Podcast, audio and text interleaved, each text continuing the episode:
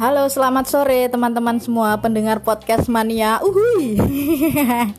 Kali ini saya tidak sendiri karena saya bersama dengan Pipi Ohit Susuka. Ayo, Angele. In the house yo. Ya teman-teman, hari ini saya memberikan sedikit makanan buat anak ini. kasihan dia anak kos. Padahal yang lebih kasihan saya sebenarnya. Karena makanannya banyakan dia. Eh, teman-teman, kita tadi nggak sengaja menceploskan diri, menceploskan ini, jadi menceploskan sesuatu. Kenapa akhir-akhir ini banyak orang bodoh ya? Contohnya Contohnya seperti Sarah ngapain? yang dia mau melelang keperawanan. Katanya itu adalah bentuk protesnya dia karena banyak orang yang tidak patuh sama peraturan, padahal dia sendiri patuh kayak gitu. Tapi menurut saya kalau sampai dia melampiaskannya dengan hal seperti itu dan dia wanita cantik yang sepertinya pintar tapi ternyata tidak juga menurut saya ya itu rasanya kayak sesuatu kebodohan gitu Enggak, terus ada masalahnya, Ah? masalahnya dia masih perawan apa enggak? Wih, dalam. Iya, masalahnya dia masih perawan apa enggak nggak tahu. Tapi eh eh sel- selanjutnya, contoh selanjutnya adalah siapa, Bro? Balik kan? Ferdian Palelu Peyang. Siapa namanya ya, Ferdian Paleka.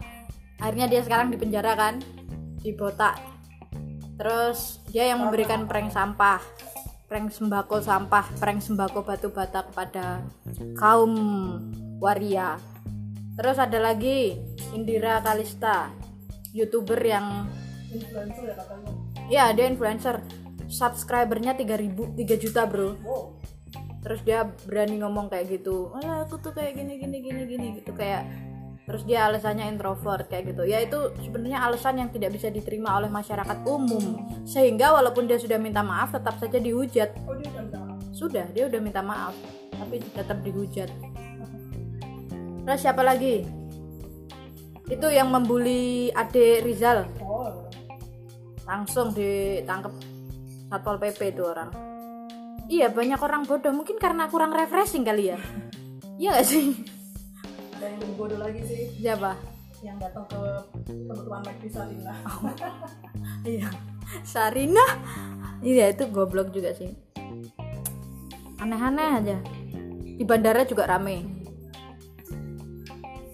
mal-mal juga udah pada rame Menjelang lebaran gitu. iya Orang-orang nggak nggak memperhatikan kesehatan sendiri. Mm-mm. dan nggak cuma kesehatannya dia sendiri sih kesehatannya orang banyak juga terancam jadinya itu kan ada salah satu kasir yang dia positif Iya. meninggal kan. Iya. pokoknya dia positif covid terus yang habis berbelanja pada panik terus kalau pada rapid test itu banyak yang positif lagi gila yang kemarin itu satu hari bisa sampai 900 orang positif loh oh my god. Parah sih. parah sih. Tapi ya kenapa banyak orang bodoh? Karena mungkin kita sendiri juga masih bodoh. Contohnya kebodohanmu apa? contohnya sering ditipu laki-laki. Contohnya tidak bisa memanfaatkan waktu dengan baik kan juga termasuk bodoh. Ya enggak terus apa lagi? Melakukan kesalahan yang sama? Juga bodoh. Ya kan? Iya. nah iya. Berarti kita sendiri tuh masih bodoh sebenarnya. Makanya ketemu sama orang-orang yang bodoh. Itu tuh mengundang. Iya. Sebab kita membuat sebab. Sehingga Jodoh. sebab jodoh. Bermunculan orang seperti itu. Iya, ketemu orang yang seperti itu. Makanya kalau kita nggak pernah ketemu sama orang-orang yang hebat, itu kita harus bertanya kepada diri kita, apakah kita tidak hebat? Iya bro, kadang aku sendiri juga merasa aku ini bodoh gitu. Sehingga kalau aku mau menghujat orang itu juga mikir sih. Ini pun aku mikir tadi. Tapi ya sebenarnya ya emang bisa dibilang bodoh. Mungkin iya, salah satu faktornya adalah kurang refreshing itu bro. Jadinya banyak pikirannya bulat gitu loh sama dirinya sendiri. Hmm.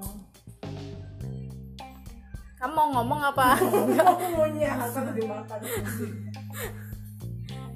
Ya itu itu saja podcast kita sore hari ini. Eh, semoga teman-teman semua bisa belajar dari kebodohan yang telah dilakukan orang lain sehingga kita tidak perlu berbuat bodoh juga. seharusnya kita selalu berbuat yang tidak bodoh.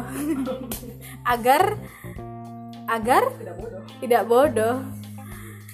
Terima kasih teman-teman. Selamat sore